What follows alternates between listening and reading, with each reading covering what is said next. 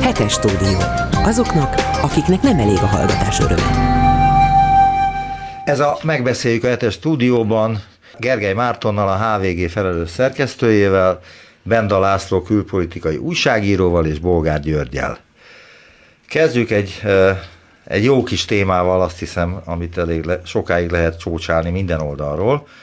Az Alapjogokért Központ kinyilvánította, hogy a Vármegye a magyar szuverenitás szimbóluma. Annak apropóján, hogy van egy előterjesztés, miszerint a megyéket vármegyéknek kellene átnevezni, és a vármegyék élére a kormányban megbízottak helyett főispánok lennének. Mi a véleményetek erről? Ez mennyire up-to-date dolog az Orbáni kormányzatról? Mennyire fontos, hogy egy ilyen most megtörténjen? Jaj. Kit kérdezzek először? Na jó, én annyit mondhatok csak, hogy kárpátaljai családból származom, nevezetesen akkor még Beregugocsa megyében született édesapám, édesanyám is. Vármegyében Vár, vagy megyében? Vármegyében természetesen, és biztatólag csak annyit szeretnék mondani, hogy ha igaz, akkor Ugocsa non koronát. Tehát nem fenyeget az a veszély, hogy az előrevezető úton netán akár parlamentáris, ám de monarhiát vezetnének be nálunk.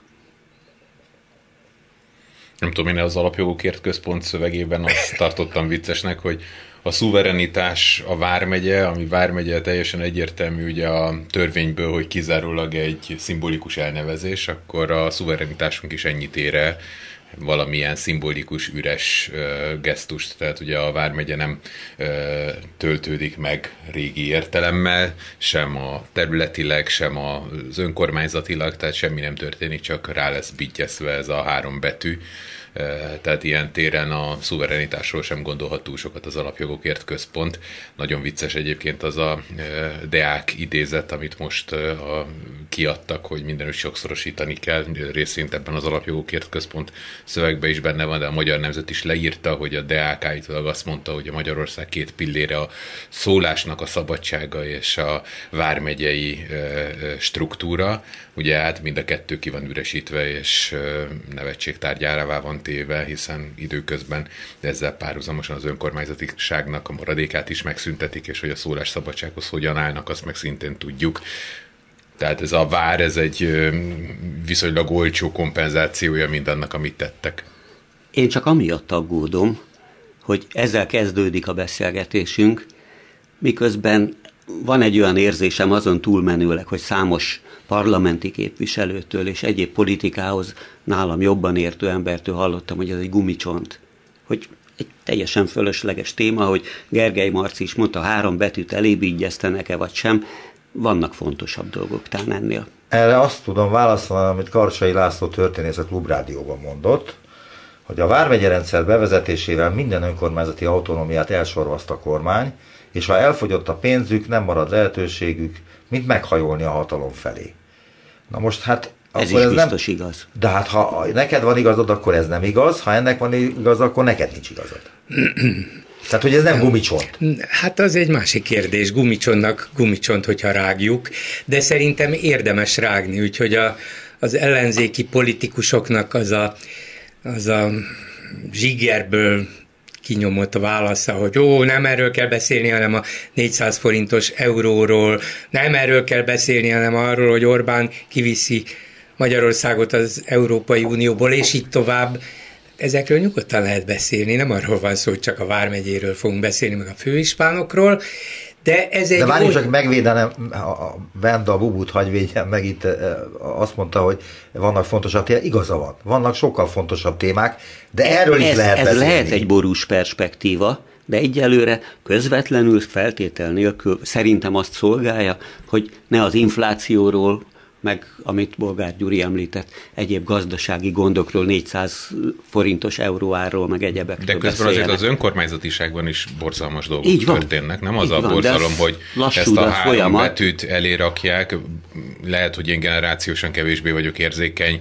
Engem nem zavar, nem fogom Pestvár megyét kimondani. Valószínűleg hogyha hivatalos papírra be kell írni, akkor majd valahogyan meg fogom tudni tenni, sokkal aggasztóbbnak tartom azt, hogy 99 évre átjátszák a főváros tulajdonában lévő 5. kerületi köztereket a állam, egyszerű államosítással. Vicces lenne, ha 24-ben, ha véletlenül mondjuk a főpolgármesteri pozíción és az 5. kerületi pozíción is váltás történne, tehát hirtelen a belvárosnak lenne ellenzéki és a fővárosnak lenne fideszes vezetője, akkor hirtelen megint államosítanák és visszaadnák a túloldalra. Ez teljesen egyértelműen mindenféle jogbiztonságnak a megszüntetése. Hasonló a helyzet ugye az önkormányzati választás és az EP választás összevonásával, aminél aljasabb dolog megint nincsen. Tehát egy olyan ciklus, amire öt évre készültek, öt éves programokat terveztek be a különböző helyhatóságok, fideszesek és nem fideszesek, ott a hirtelen azt mondani, hogy öt hónappal hamarabb fogunk választani, ráadásul egyértelműen azzal a hátsó szándékkal, hogy az ellenzéket a különböző taktikába kényszerítő választási módok miatt még jobban összezavarja, az egyszerűen gúnyűzés a demokráciából. Tehát ha valamire pénzt kell áldoznunk, az a demokrácia. Engem ezért a törpepártok sem annyira zavarnak, mert az, hogy el tudjon indulni bármilyen politikai, ö, ö, politikai kezdeményezés egy választáson, az fontosabbnak érzem, mint hogy esetleg megfizessük az árát, hogy három-négy formáció meg megpróbálja lenyúlni. Mert egyszerűen a vérfrissítésnek helyet kéne biztosítani. Tehát az, hogy lerövidítik öt hónappal, egy cinikus szöveggel, majd utána létrehozzák azt a helyzetet, hogy öt hónapig majd a választott polgármesternek együtt kell élnie a még hivatalba lévő polgármesterrel, ezek olyan fajta jogbizonyta, jogbizonytalanságokat okoznak, amikre nincsen példa. Egy, egy mondat, Gyuri, egy mondat csak, Kak, ide tartozik, és utána te jössz. Még Karsai Lászlótól szeretnék csak egy mondatot, aki nekünk nyilatkozott. Nekem. Neked. A Horti korszak vármegye rendszerét jobbára a dualizmus idején alakították ki, amelyet persze aztán fejlesztettek, lényege pedig a centralizáció volt. Tehát, hogy ha ebben neki igaza van, és úgy tűnik, hogy valami ilyen felé megy a jelenlegi kormány politikája, akkor hát a gumicsonda egyre távolabb kerül ettől a témától. Jó, induljunk a ki az alapjogok, jelenre vonatkozott. Az alapjogokért központból, hogy a, a, a szuverenitás szimbóluma lenne a, a vármegyei elnevezés. Szóval Orbán Viktor helyében megorrolnék rájuk, mert hát eddig nem voltunk szuverének, az egész Orbáni politika állandóan a szuverenitást hangsúlyozta. Kell ehhez nekem Vármegye, meg főispán, kedves Szántó Miklós alapjogokért központvezető, nem kell hozzá, nekem más, más miatt kell ez a vármegyei elnevezés. Önmagában természetesen nem oszt, nem szoroz, legfőjebb, ha Orbán visszamegy focizni, hát most már valószínűleg a megyei első osztálynál följebb Vármegye, nem jut, vármegyei. De, de hogyha kiesne a csapat a megyei elsőből a Vármegye kettőbe, azért az elég nevetséges volna, de nem hiszem, hogy az elnevezésnek csak úgy olyan szempontból van értelme, hogy na, ezt is oda nyomjuk az ellenzék elő, elé hadd dühöngjenek, hiszen látjuk az első felmérésekből, hogy a magyar társadalom nem nagyon szereti ezt. Nem, nem igazán érti, nem igazán, nem igazán tartja ezt valamiféle olyan a magyar tudathoz, a magyar önazonossághoz tartozó elnevezésnek, ami miatt ehhez nekünk vissza kellene nyúlnunk, inkább ennek valamiféle ilyen idegen, szerű, hát nem is magyar ellenes, de olyan régi módi avit íze és szaga van, úgyhogy ezzel szerintem nem nyernek. De valamibe biztos beleillik. Orbán sose lép meg ilyen ha tetszik, szimbolikus, mert ebből a szempontból ez szimbolikus lépés, szimbolikus lépéseket, amelyek ne kapcsolódnának aztán valamihez. Központosításod? Igen, de hát ezt megcsinálta enélkül is. Megyével is meg lehet csinálni, máshogyan is, az önkormányzati feladatok elvételével, az önkormányzatok anyagi tönkretételével, mindennel de mégis valószínűleg ezzel a fajta visszakapcsolással, legalább a horti időkig, és persze egész Szent Istvánig, mert odáig szaladnak vissza, azt akarja kiépíteni, teljesíteni, amin dolgozik már 12 éve, a Kossuth tér átépítésétől kezdve a Várnegyed újra felépítéséig, tehát vannak ennek szimbolikus, szavakban megnyilvánuló és betonba öntött vagy, vagy kőbe épített megnyilvánulásai, jelentkezései is. És biztos, hogy az van mögötte, hogy létrehozunk egy olyan államszervezési rendszert, ami ezer év óta létezett Magyarországon, és ennek a végső eredménye valami olyasmi lesz, hogy Orbán alapítja meg másodszor is azt az igazi ezer éves Magyarországot, amely annyit szenvedett, annyiszor esett szét, de én majd az új államalapító ezt helyre fogom hozni. Ebbe illeszkedik ez bele, hold biztos. Ez szimbolikus is, de nagyon is mai gyakorlati politikai hatása lehet, vagy lesz ennek, és igen, biztos, hogy a központosítás, biztos, hogy az önkormányzatiság szétverése, de az Orbáni államrendszer megteremtése van e mögött. Emberek, figyeljetek ugocsára. Figyelünk, de e, ezen még egy kicsit lehet fokozni is ezt a dolgot, és lehet egy kicsit magasabb e, szintekre emelni, ha a mi hazánknak a ezzel kapcsolatos ö, ö, nyilatkozatát ö, vesszük figyelembe. Ők ugyanis azt mondják, hogy a 11. alkotmánymódosítás szerint vármegyének neveznék át a megyéket. A mi hazánk csendőrség létesítését javasolja a vármegyékben, a párt szerint a rendőrség munkáját segíteni kell, majd Novák előd a párt alelnöke még azt is hozzáteszi, hogy a vármegyék és a főispánok hagyományos elnevezése mellett érdemi változásra is szükség van a rend megteremtéséhez, miután sokszor letelt az a bizonyos két hét, hazánkban mégis terjed az a szubkultúra, amely nem tartja be a társadalmi együttélés alapvető szabályait, hangoskodik, szemetel, állandó jelleggel zavarja, zaklatja a környezetét. Szóval, hogyha itt lesznek a vármegyék, és jönnek a főispánok, és a csendőrség, akkor miben fogunk mi nagyon különbözni a 30-as, 20-as évek Magyarországától, vagy az 1870-es évek Magyarországától strukturálisan? Én nem óhajtok hozzászólni, csak annyit. És miben fog különbözni a 1-2-5 évvel ezelőtti Magyarországtól? Miben? Lehet, hogy nem rendőrségnek, hanem csendőrségnek fogják. Majd akkor a csendőrségnél lesz le, létszámhiány, nem? Akkor majd... Na, súlyos kilépések igen, árán. Igen, igen. De elképzelhető, hogy ez, ez, ez teret nyer? Tehát, hogy ez a fajta ideológia, hogy a csendőrségre is Minden elképzelhető, van? de ugye a mi hazánknak nyilvánvalóan ez az útja megint fölmelegíteni, föleleveníteni, behozni a közbeszédbe a cigány ellenességet. Ezek hát, nem idevalók, ezek hát de összeférhetetlenek. Figyelj, egy fasiszta ezek, pártól te mit vársz? Hát én semmi más nem várok. A kérdés az, hogy ezt a a új fasiszta vagy új náci pártot Orbán hogyan akarja kezelni. Neki nagyon jól jön, hogy ott van a jobb szélen, adott esetben be fogja emelni az ő javaslataikat a sajátjai közé, ahogy a jobbikkal is csinálta, de azért a magyar gárdát nem vette át a Fidesz eszköztárába, hanem valahogy úgy szorítottak a jobbikot kifelé, hogy nekik is ott kelljen hagyniuk a magyar gárdát. Úgyhogy, de, de, de, persze sok minden szempontból más szelek fújtak, de ebből a szempontból hatalomtechnikailag ugyanazok a szelek fújnak. Ha a Fidesz úgy ítéli meg, hogy a csendőrség valamiért népszerű, akkor lehet, hogy azt fogja mondani, hogy ez az én javaslatom, állítsunk föl egy csendőrséget, de hogyha úgy állapítja meg, és valószínűleg szerintem ez ma a közvélekedés, hogy talán csendőrséget nem kell, azt mégse Szent István találta ki, ugye, állítólag, De majdnem. akkor, igen, akkor azt mondja, hogy hát azért a mi hazánk ugráljon, de mi nem vagyunk a mi hazánk, hiszen mi egy konzervatív keresztény párt vagyunk, hát a mi hazánk jól jön néha, de nem kell mindent bevenni tőlük. Hát emlékezzetek vissza, hogy Csurka Istvánt, hogy domestikálták azzal, hogy parlamenti képviselő lett. Márton? És azóta, azóta nemzeti hős, a Fidesz egyik nemzeti hőse, tegyük hozzá.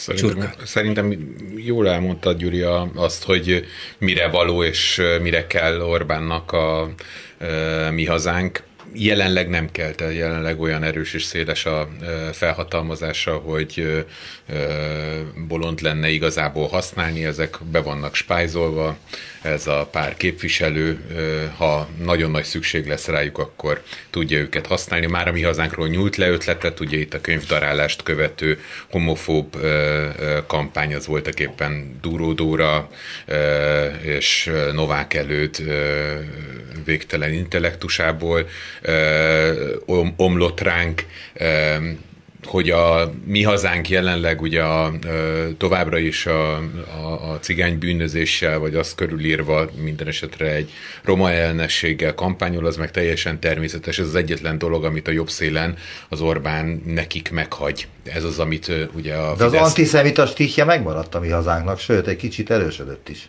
Hát ez, ez a két vonulata nyilván megmaradt, főleg azért, mert Orbán ilyen értelemben egy kicsit azért másfele kormányozta magát. Tehát, hogy azért a, a fideszes politika összetettebb lett, a fideszes választói tömbnek jelentős ö, ö, tartaléka van éppen a magyar cigányságnál, amit lehet látni a szavazatarányokon, tehát, hogy egy kicsit másképp áll ehhez a témához a Fidesz, mint a mi hazánk, de persze, hogyha ö, olyan helyzet alakul ki, amikor újra bűnbakok kellenek, akkor ez még nagyon gyorsan meg tud fordulni. Akkor most áttérek egy másik témára, ami még mindig ha bár nem ehhez tartozik, de e, az eheti eredmény, vagy eheti e, termés, új vagyonbevallást szeretne a kormány. Facebook oldalán Kocsis Máté, a Fidesz frakcióvezetője jelezte, hogy megváltozik a vagyonnyilatkozati rendszer Magyarországon. A politikus akkor azt jelezte, hogy az új gyakorlat megegyezik majd a német szabályokkal. Azóta az is kiderült, hogy ez mit jelent. A legfontosabb részek, például az ingó és ingatlan vagyon, ami alapján a képviselők vagyonosodását lehetett volna nyomon követni, ha bárki annak idején ezt komolyan vette volna, egyszerűen kikerülnek a nyilatkozatból. Az új rend szerint egy sor olyan dologról nem kell nyilatkozni, amiről korábban igen, többek között a közeli hozzátartozó vagyonáról, jövedelméről, a tulajdonban lévő ingatlanokról, nagyértékű ingóságokról, a pénzügyi megtakarításokról, a hitelekről, tartozásokról, vagyis minden olyan dologról, ami alapján kiderülne, hogy egy, egy képviselő vagyonosodása összhangban áll-e a hivatalos jövedelmi folyamataival. Ö, mi nem törlik el Magyarországon ezt? A vagyonbevallást a képviselőknél. Illik. Az, az Európai az Unióban illik. Egyébként pedig, ami a német jogrendet, meg a német bevallásokat illeti, én nem tudom elképzelni azt, hogy Németországban egy parlamenti képviselőnek legyen a felsőház, alsóház tagja, Bundestagi vagy a Bundesráté, az ingatlan vagyona ingóvá válna azáltal, hogy kiderül, hogy kétszer akkora, vagy mindegy, hogy mennyivel, de megnövekszik, vagy éppenséggel le kéne tagadnia, sőt, gyanítom, hogy a családtagok esetleges vagyonáról is tisztában van a közvélemény. Hát ugye másképp van az elszámolás Németországban, mint Magyarországon. Ugye alapvetően nem gondolja egy német állampolgár, tehát ez a fajta ilyen álszentség, ami Magyarországot jellemzi, az, hogy a Lindner pénzügyminiszter Porséval szeret járni, azt a német... Sebességet imádja azt a, azt a német állampolgárok tudják, ez nem csökkenti az ő népszerűségét, vagy a éppenséggel a népszerűtlensége sem amiatt lesz, hogy Porséval jár, sokkal inkább azon, hogy milyen álláspontot képvisel mondjuk a belső égésű motorok kivezetésével kapcsolatban, tehát, hogy egyrészt szerintem a magyar rendszer azon alapul, hogy mindenki azt gondolja, hogy mindenki lop, tehát hogy nekünk valahogyan kollektíven ellenőriznünk kell a parlamenti képviselőinket, hogy miük van és, és miük nincs. Várjál, így 32 év távlatából, ez nem igaz? Nem azt mondom, hogy nem igaz, csak azt mondom, hogy, a, hogy Tehát nem az fel... elvárás az az, hogy hát úgy gondolja minden magyar Nem feltétlenül ugyanúgy tekintünk a politikusokra lajtán innen és lajtán túl, és nem ugyanúgy kérjük őket számon, tehát szerintem az elmúlt ö, ö, ciklusban Németországban mondjuk sokkal több problémája keletkezett ö, CDU-s és CSU-s politikusoknak például maszkbeszerzés ügyben, mint ami itt Magyarországon keletkezett. Konkrétan ki lett számolva, hogy mennyi pénzért, mennyi jutalékért szereztek be, mikor maszkokat. Tehát, hogy a, a, az, hogy az átláthatóság, a számonkérhetőség és a büntetőjogi felelősségre vonás lehetővé váljon, ahhoz nem kell idézőes vagyonnyilatkozatokra hagyatkozni, mert van egy szabadon működő ügyészség, egy szabadon működő rendőrség, egy független bíróság és egy nagyon erős média, amelyik ezeknek a felkutatásának egy részét átvállalja. Tehát nem kell a vagyonnyilatkozatokon szórakozni annyira. Hozzáteszem, hogy a vagyonnyilatkozatokkal kapcsolatban is azért keményebbek. Ott nem a vagyonokat nézik, mert szerintem alapvetően az, hogy egy politikus vagyonos, az egy sokkal elfogadottabb dolog. Amit néznek, az a, az a másod-harmadállás és az különböző plusz jövedelem. Azt Meg hogy mire szó... használják föl a hivatalos juttatásokat azt tovább szigorították, és, Így van. és akkor hozzátehetjük azt, most nem beszéltünk róla, hogy Christian Wolf köztársasági elnökük belebukott egy pár száz eurós hotel meghívásba, illetve az, az, azt követő médiára helyezett nyomásra, hogy az ne számoljon be róla. Tehát nem feltétlenül a vagyonnyilatkozatok mélysége és minősége dönti el a transzparenciát, az átláthatóságot és a korrupció ellenes küzdelmet.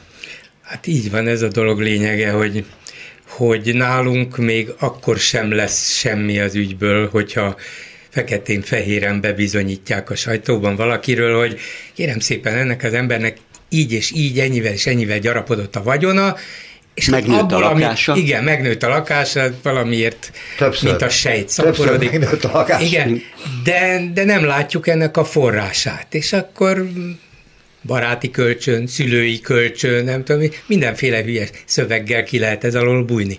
Németországban, Ausztriában, nyugaton nem. Ezért tulajdonképpen formális ez a magyar vagyonnyilatkozati rendszer, mert ugyan vannak követelmények, hogy ezt meg ezt meg ezt be kell vallani, de ha utána nincs számonkérés, akkor a dolog nem ér semmit. És ezért hihetetlenül cinikus az, hogy hát kérem szépen, hát akkor bevezetjük az Európai Unióban alkalmazott rendszert, meg a németek is így csinálják. Annyit kérik rajtuk szám, rajtunk számon, hogy legyünk olyanok, mint az európaiak, legyen ugyanolyan szabály nálunk is, mint náluk, tessék, itt van. És akkor még az ellenzék meg a sajtó pofájába is röhögnek ezzel. Szóval, de néha már nem is, azt kell mondani, hogy nem is szégyelik, mert említetted negyed órával ezelőtt, hogy itt van például ez az alkotmányba bekerülő módosítás, hogy a két választás... Eh, hát nevezzük mindegy, ahogy akarják, legyen alaptörvény. Ez a módosítás, hogy összehozzák a két választást, az európait meg az önkormányzatit egy időben, és ugye még azzal hazudozott, vagy azzal járta a médiát a Fidesz frakció vezető, hogy hát ez így mennyivel olcsóbb, hát mindenkinek spórolni kell. De már úgy látszik, a magyar nemzetig nem jutott el ennek a, ennek a nem is a híre, hanem nem jutott el az utasítás, mert azt tették ki néhány nappal ezelőtt a címlapjukra, hogy, hogy csapdába esett az ellen, esik az ellenzék 2024-ben. Vagyis ők nyíltan bevallják, hogy igen, ezt az egészet azért hozták létre, hogy csapdába essen, hogy az európai parlamenti választáson külön indulnak, az önkormányzati együtt kellene, hogy induljanak. Most akkor hogy a fenébe kampányoljanak, hogy magyarázzák el ezt a választópolgárnak? A magyar nemzet ez már nyíltan megírta, ezért találták ki az egészet. És itt a másiknál megint jön ez a szédítő duma, hogy hát csak azért csináljuk, hogy olyanok legyünk, mint Európában, ha-ha-ha. Hát lehet, hogy valamilyen eh, milyen stand-up komedinek nagyon jó, csak nálunk ez a valóság. Igen, ugye az egyetlen előnye volt ennek a vagyonnyilatkozati rendszereknek, hogy mindig, amikor föltárt valamit a sajtó, akkor lehetett utána a hazug nyilatkozatokkal ellen, ellensúlyozni, vagy hát ugye megmutatni azt, hogy ennyit írt be Rogán, és most kiderült feketén-fehéren, hogy ennyie van. Orbán Viktor azt mondja, hogy nincsen semmilyen, miközben 60 pusztán éppen könyvtárat épít magának.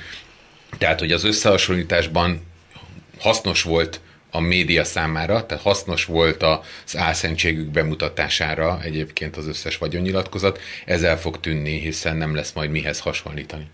De hát az utóbbi időben, az utóbbi mondjuk 5-6 évben semmilyen reakció nem volt kormányzati részről a különböző vagyonnyilatkozatok ki kritikákra. De azért nyilván egy kicsit kellemetlen nekik. Elolvassák a HVG-t, elolvassák a népszavát, meghallgatják a klubrádiót. Igen, de miért lenne kellemetlen, amikor a főnökük, interneten? Gyuri, a főnökük azt mondja, hogy neki nincs semmi. Miért lenne kellemetlen Hát ez? kellemetlen, mert három, meg háromszorozódik most Orbán Viktor fizetése, tehát 4,7 millió, ha 4,7 millió forintot fog keresni, most ezek után... Uh, És ez megváltoztatja az életét? Hát nem tudom, hogyan lehetne számolni, mert szerintem aki be van lőve arra, hogy másfél millió forintot keres egy hónapban, és ebből kell eltartani a családot, a Cinege úti ingatlant, a 60 pusztát fölépíteni, hát amit a, mármint ami az ő része belőle, nem tudjuk pontosan, meg még a felcsúti házat, meg még kifizetni ezt, azt, azt hogyha ez most másfél millióra be van nőve, az hirtelen 4,7 millióra emelkedik, mint ahogyan most ugye a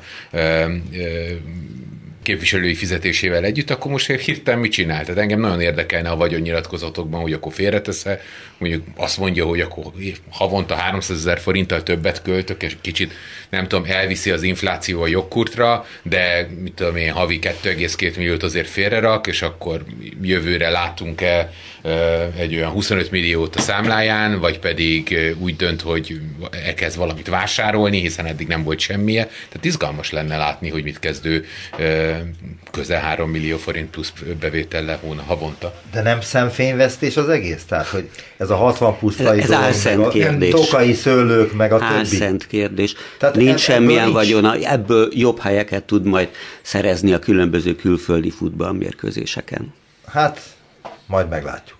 Ez a megbeszéljük a hetes stúdióban Gergely Mártonnal, a HVG fősze, eh, felelős szerkesztőjével, Benda László külpolitikai újságíróval és Bolgár Györgyel.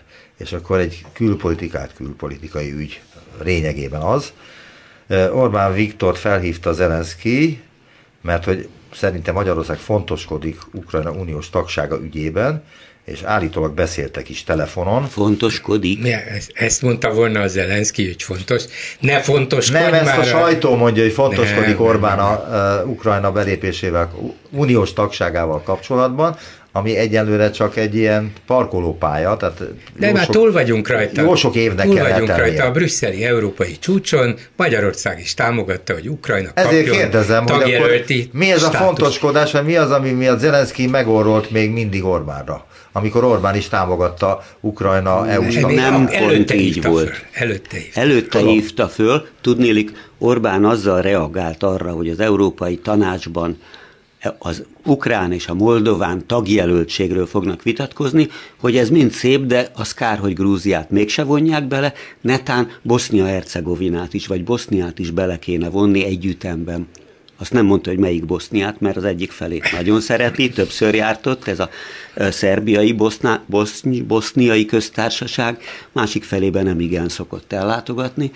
És gondolom, hogy Zelenszky aggódott, hogy ezzel úgy vizezné föl a, az európai projektet a brüsszeli csúcson, ami meggátolná abban, hogy egyébként egy eléggé formális, nevezük annak, gesztusértékű tettre Mikor, dönt. ha minden stimmel, mikorra lehet Ukrajna Európai Uniós tag? Tíz év? Hát nagyon, nagyon optimista Törökország volna. 1999 óta, Óta tagjelölt. Igen. Tehát akkor ez a világon semmit sem jelent a De háborúval sok mindent jelent, ennek valóban szimbolikus jelentősége van. Ez azt mutatja, hogy az Európai Unió Ukrajna mellett áll. Akármit jelentsen is ez, de legalább ebben, a, ebben az elvi politikai jelentőségű döntésben, amiből nem következik most semmi, ott áll mögötte, szeretnénk, ha hozzánk tartozhatnátok minél előbb, mert itt a helyetek. Ez egy fontos politikai üzenet, de ennyi. És azzal, hogy támogatta Orbán Viktor is a Uk- Ukrajna tag jelöltségét, azzal sikerült ö, kihúzni a méregfogát annak, ami eddig történt Magyarország és Ukrajna között? Nem. Tehát maradt az a fajta rossz viszony, ami volt?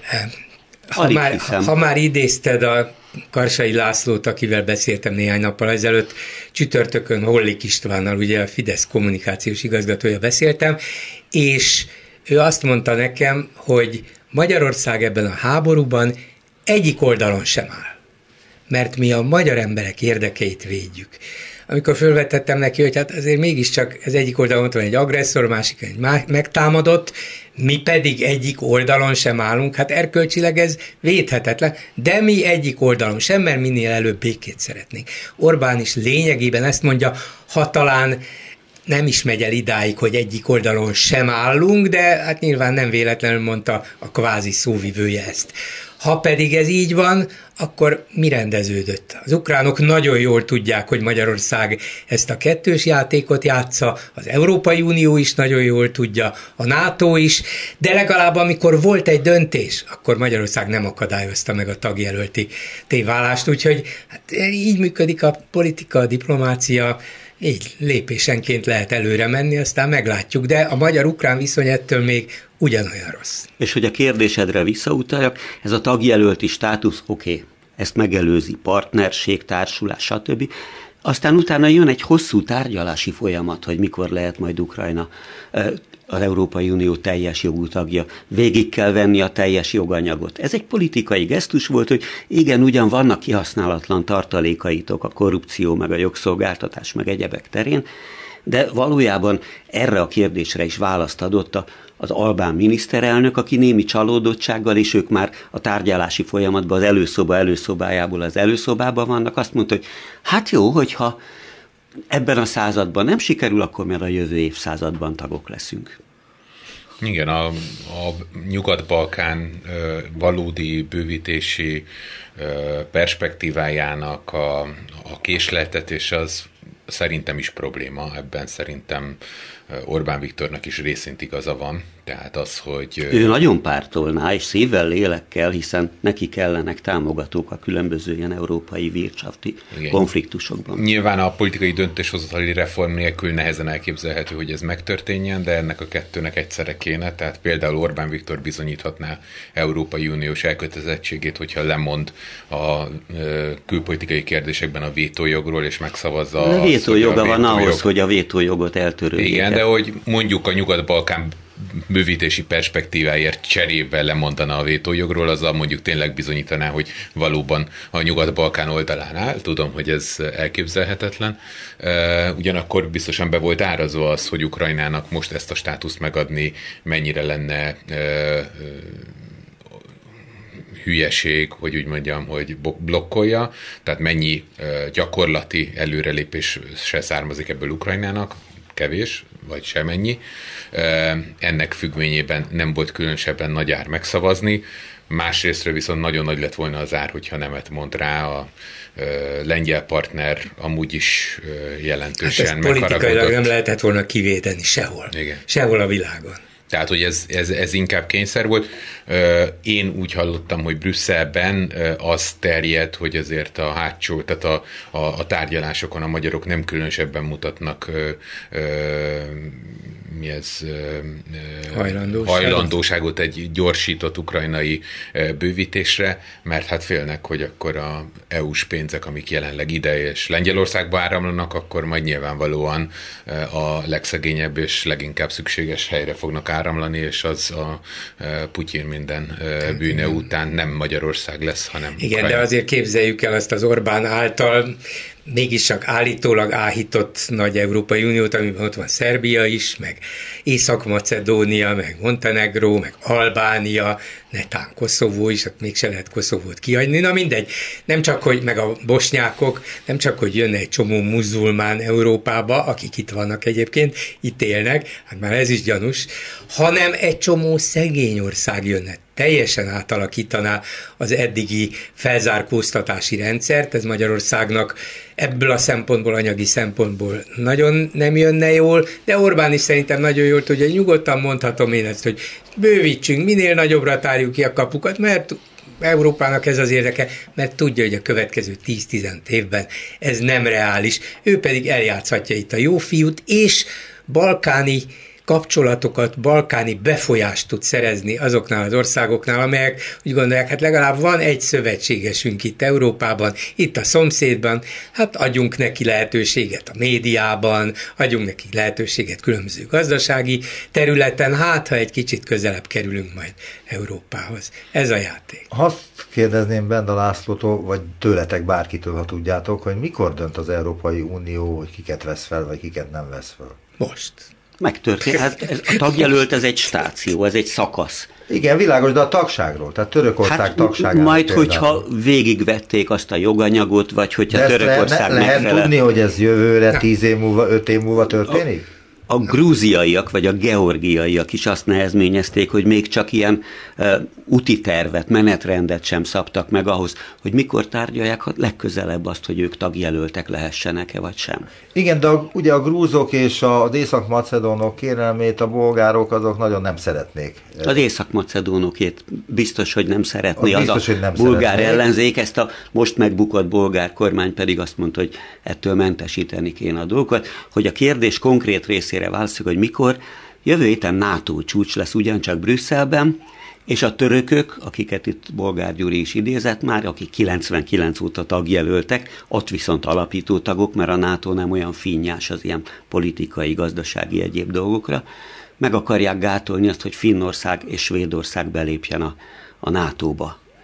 És a finn miniszterelnök azt mondta, hogy hát akkor most elkezdem olvasni náluk, még háború és béke címmel jelenik meg Tolstoy műve, és nem uh, hadi akció és béke. Különleges katonai, különleges művelet, katonai és akció béke. vagy művelet. És mire a végére érek, biztos tagok leszünk. Nem, hát gondolj arra, hogy 2004-ben lettünk tagok, de el, az előtte lévő évek, években lényegében a magyar politika is, meg a cseh és a lengyel arra játszott, hogy ez a három ország van legközelebb a nyugathoz, nem csak földrajzilag, hanem, hanem talán a, a berendezkedés tekintetében, az átalakulás tekintetében. Ők végezték el a legtöbb munkát, ők kerültek leginkább közel az Európai Unióhoz, azok, annak értékeihez, és majd ezt a hármat fogják előre fölvenni. Aztán hirtelen az Unió gondolt egy nagyot, és merészet, és azt mondja, hát ha már belőle. három, akkor jöjjön az összes többi is vele, legyen tíz. Úgyhogy nincs ez előre, nem is lehet előre megszabva, el kell jutni bizonyos pontokig, tárgyalásokon, ez megvan, ezt rendeztük, ezt elfogadtátok, ezt beépítettétek a joganyagotokba, hát akkor nagyjából meg vagyunk. És aztán utána, utána kiderült, hogy beépítették a joganyagukba, mert kétharmaddal győztek meg, megint kétharmaddal győztek meg, megint, és aztán megint, és teljesen átalakították a joganyagot. Az Európai Unió pedig csak néz bele a levegőbe. Azért van egy pozitívuma is annak, hogyha ilyen sok úgymond szegény, szegényebb ország csatlakozik az Unióhoz, hogy nem mi leszünk az utolsók bizonyos Jó, kérdésekben. később is még csatlakoztak unióhoz országok, Románia, Bulgária, Horvátország. Aztán egyre gyakrabban hallottuk azt, hogy a bővítési fáradtság jelei mutatkoznak Brüsszelen, pont azért, mert hát bizony ezek olyan országok, amelyek segélyre szorulnak, segítségre szorulnak, gazdasági értelemben is, most mindegy, hogy kohéziós alapnak, vagy bármi másnak nevezzük. És egyébként én még azt látom, hogy Putyin is azért törődik bele, hogy NATO tag nem lehet Ukrajna, de hát csak közeledjen az Európai Unióhoz, mert valakinek azért azt az szétrombolt országot újjá kell majd építenie. Akkor most azt hiszem, hogy ehhez kapcsolódik az Európai Uniós struktúrához a Fidesz és a KDNP-nek a javaslata, hogy szerintük fel kéne oszlatni az Európai Parlamentet.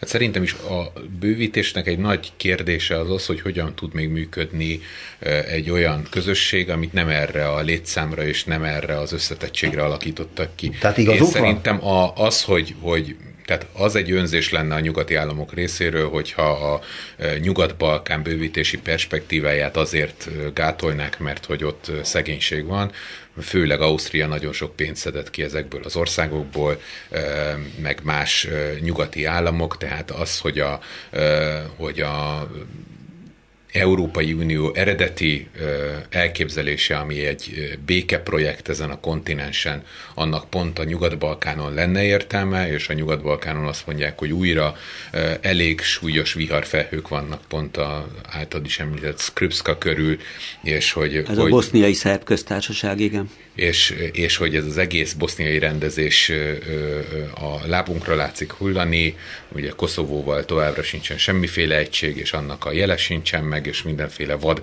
ötletek vannak, mint az állítólagos Jansa-féle non-paper, ami újra húzna határokat a Nyugat-Balkánon. Tehát borzalmas problémák vannak, amiket esetleg egy Európai Uniós perspektíva rendezhetne. A probléma az az, hogy hogyan lehet működtetni ezt az uniót úgy, hogy ennek az uniónak közben meg kéne próbálnia hát a kínai, a orosz kihívás, az Egyesült Államok ki tudja, hogy mennyire megbízható szövetségesi jövője, tehát mondjuk egy Trump-féle Amerika, vagy egy Trumpot követő újabb republikánus, aki elfordul Európától, ezek olyan kihívásokat jelentenek az Európai Uniónak, aminél működőképes unió kell, ha egy Orbán Viktor képest egy 10 milliós ország éléről ez az egész kontinenset ilyen fokú zavarokba hozni, amint például tette azt az olajembargó során, akkor, akkor tényleg egy cselekvésre képtelen unió képe rajzolódik ki. Ezt tovább ö, ö, kockáztatja kockáztatná az Európa labilis kelet-európai államok felvételével. Tehát, hogy valami fajta intézményi reform kell. Intézményi reformoknak már vannak ö, ö, részei, az intézményi reformok pont az ellenkező irányba mennek, mint amit a Fidesz és a KDNP jelenleg most letett az asztalra. Szerintem különösen érdekes az, hogy az egyetlen valódi, nettó demokratikus szervét akarja leépíteni az Európai, az Európai Unió. Parlamentet már. Tehát igen. Demokrácia hiányra hivatkozva azt az egyetlen szervet támadják, amelyik valóban demokratikus legitimációval rendelkezik, és amelyik ugye a tervek szerint egyfajta nemzeti, nemzetek fölötti listákkal is bővülni akar, amely esetében Magyarországot olyan emberek is képviselhetik, akik mondjuk az Fidesz érdekei ellenté, Fidesz érdekével ellentétesek. Tehát ez a, ez a papír egy szerintem szintén szemfényvesztés, arra van, hogy mindent gátoljon Orbán Viktor, ami szembe jön De vele. ugye itt egy, egy komoly kérdés van, és bár mindig elhesegetjük, és komoly emberek is mindig elhesegetik, ki akarja vinni Orbán Viktor az országot az Európai Unióból? Minden egyes konkrét lépése azt mutatja, hogy igen, erre felé megy, de mindenki azt mondja, hogy hát ezt úgyse fogja megtenni, ezt nem lehet megtenni, de gondoljunk arra, hogy Ukrajnáról is azt hittük, hogy Putyin nem fogja merni megtámadni. Ez a megbeszéljük a hetes stúdióban Gergely Mártonnal, a HVG felelős szerkesztőjével, Benda Lászlóval, a külpolitikai újságíróval és Bolgár Györgyel, és itt még mindig ennél a témával maradva, Kövér László házelnök, Semmilyen Zsolt KDM, KDNP és miniszterelnök helyettes, Simicsko István KDNP frakció, és Kocsis Máté egyaránt azt szeretnék, hogy az egyik, eh, hogy az Európai Parlamentet a jelenlegi formájában fel kell számolni, azt tanácsolják, hogy közvetlenül megválasztott EP képviselők helyett a nemzeti parlamenteknek kellene delegálniuk képviselőket, emellett a képviselők vétójogot adnának minden nemzeti parlamentnek az uniós jogalkotásban, illetve jogot adnának nekik és a nemzeti kormányoknak is, hogy új EU-s jogszabályok bevezetését kezdeményezhessék aztán ne vehessen fel hitelt az Európai Unió, egy új alapszerződésben kimondatnák, hogy az EU keresztény alapokon nyugszik, de kivetetnék a mostani szövegből a mind szorosabb egységre törekvést előíró részt,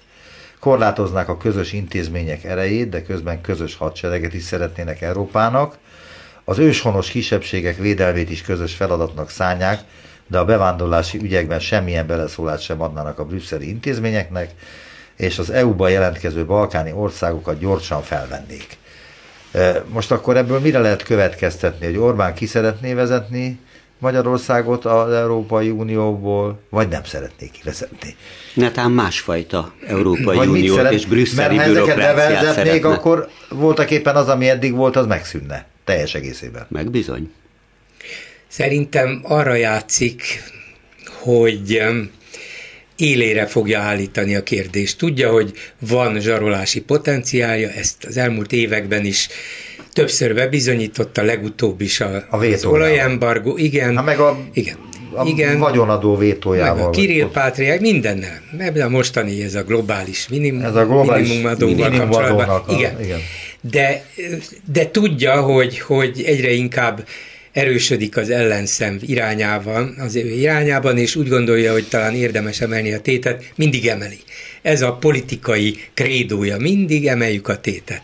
És el akarja vinni odáig az országot, hogy tényleg az lesz a kérdés, hogy ki akarod vinni az országot az Európai Unióból?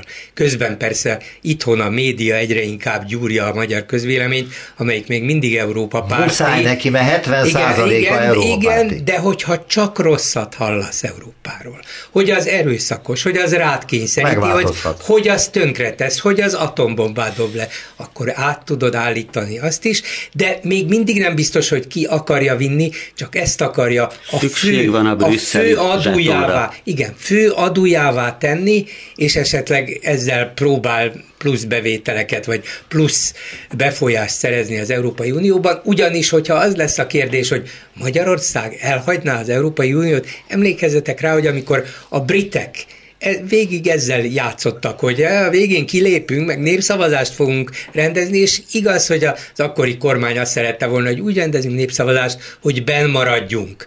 De állandóan ők is egyre többet akartak, és részben tudtak is kizsarolni az Európai Uniótól, a vége az lett, hogy ki kellett lépniük. Szerintem Orbán arra játszik, hogy ezzel a zsarolási technikával többet tud megkapni, többet tud megszerezni az Uniótól, ha pedig végül nem sikerül, akkor még az is be, be számítható, vagy elképzelhető, hogy kiviszem az országot onnét, ha kapok jobb ajánlatot.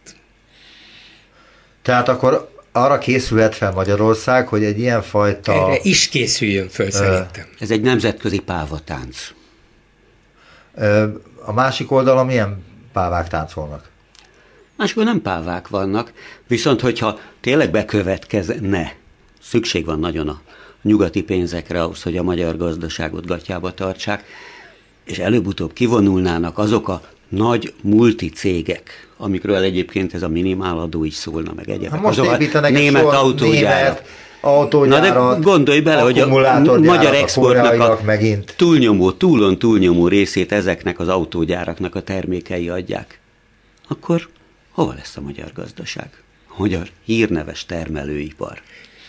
Azért gondoljátok, én, én is úgy gondolom, hogy a gazdasági érvek mindenképpen ez ellen szólnak, de Törökország nem tagja az Európai Uniónak, és hány külföldi autógyár van ott? Oroszországban is, pedig azzal még politikailag is kifejezetten ellenséges volt a viszony, még a háború előtt is. Hány nyugati autógyárnak van ott telepe? Nem igaz, hogy ez úgy működik, hogy kilépünk az Unióból, erre el fogják hagyni az országot a nyugati gyárak. Nem mert vannak olyan gazdasági érdekek, amelyek miatt még egy antidemokratikus unión kívüli országban is érdemes ott maradni, hát ha még ráadásul még több kedvezményt adnak nekik. Meg De nem mindegy, hogy szabály... mekkora piac. Meg Azért a Törökország 8... akkor ugye lehet másképp, tehát hogy akkor nem kell nálunk ilyen meg olyan típusú környezetvédelmi előírásokat betartani, mint amit az unión belül be kell tartani, vagy hogy nálunk el lehet belső égésű motorokat építeni.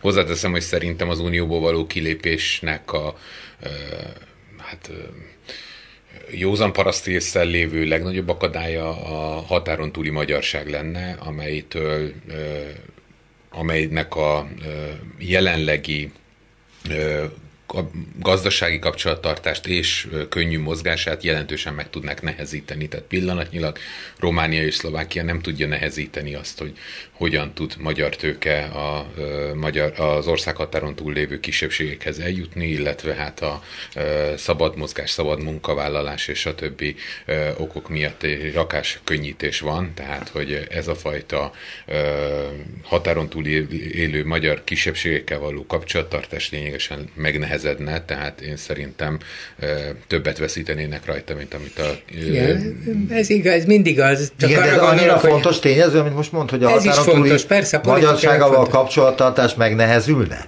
Biztos, hogy nem ez a fő kérdés, de ez is egy kérdés, ez is beleszámít, és Orbán biztos, hogy ezeket is számításba veszi. De ha az lesz a kérdés, hogy élete végéig megtarthatja a hatalmat, vagy megakadályozzák a, ezek a unióbeli országok, a különböző szabályok, azoknak a betartása, hogy így kényszerítik rá bizonyos dolgokra, meg úgy kényszerítik rá, akkor eljuthat odáig, és szerintem ő ezt végig gondolja. Adott esetben jobb nekünk kint, vagy jobb nekem kint. És ezért e- ezt ne, ne söpörjük le az asztalról. Szerintem az összes lépése e pillanatban e felé mutat, hogy hajlandó elmenni az út végéig. Hát azt nem tudom. És azért még emlékezzünk meg Kövér László, Semmilyen Zsoltról, Kocsis Mátéról és Simicskó Istvánról. Igen, ők. Akik ugye, hát most már öt perce beszélünk talán erről az ötletről, és minden alkalommal azt mondtuk, hogy Orbán így akarja, tehát azért a rendszernek az is a sajátja, oh. hogy eh, ez a négy ember már a lazán, a bábként, a matricaként szolgál hát ezen a, a rendszeren. Hívják és ha a, a, a olvastam, hogy a egyik lengyel lapban, most elfejtettem a nevét, megjelent egy írás a magyarok elszigeteltségéről Európában, és abban az az érdekes dolog van benne, hogy a most ugye távozni készülő EU-s nagykövetünk kapcsán a többi nagykövet azt vette észre, hogy az üléseket azért kell megszakítani, mert a magyar tárgyalófélnek ki kell mennie megkérdezni, hogy mi a véleménye. Tehát lehet, Tehát, hogy egész hogy, más miatt kellett hogy, kimenni, hát olyan rossz indulatúak. Hát csak ugye azzal adja el Orbán Viktor a rendszerét, hogy az egypárti De hát kormányzás azért erős, mert így nem kell mindenféle dologra mi ez tekintettel lenni.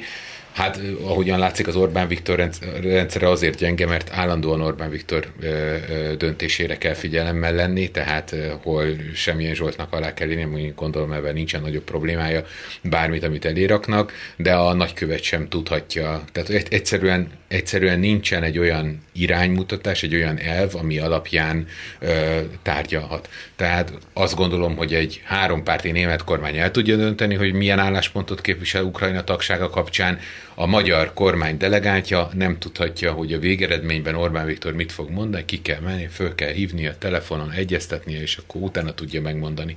Tehát ez a rendszernek a egyre nagyobb feszültsége belül, hogy, hogy ennyire egyszerűen Legalább a végén jó döntés születik. Ebben bízom. És a nagykövet távozik posztjáról. jó döntés születik. Vannak ilyen kapcsolatok, hogy drágám, tetszik nekem ez a színdarab? Szóval ez a dolog, ez a magánéletben is sajnos előfordul sokszor, és egy országra nézvést eléggé rossz hatékonyságú. Egy embernek kell dönteni minden kérdésben. Vegyük úgy, hogy napi, tudom, 100-200 kérdés van. Nincs az a géniusz a világ történelemben, aki mondjuk a 10 vagy a 20 százalékát ne ja, van. el. Itt a példa. Hát Orbán Viktor, igen. De várj, ehhez kapcsolódóan az Eurostat közétette a háztartások fogyasztásáról szóló statisztikáit, vásárló elő paritással számol, vagyis az országok ár és bérszínvonal közötti különbséget is figyelembe véve, az jött ki, a magyarok egyfőre jutó fogyasztása az EU átlag 70%-át érte el 2021-ben. Az Unióban ennél csak a bolgár adata rosszabb, stb. stb. Van még kb. két percünk erre. Mit szóltok Én ehhez? csak a saját fogyasztásomból tudok kiindulni, ahhoz pedig elég kimenni a piacra. Szerintem ez a statisztikai mutató nem fog javulni. Gondolj bele, hogy milyen infláció van. Márton? Kvázi végszó szinte.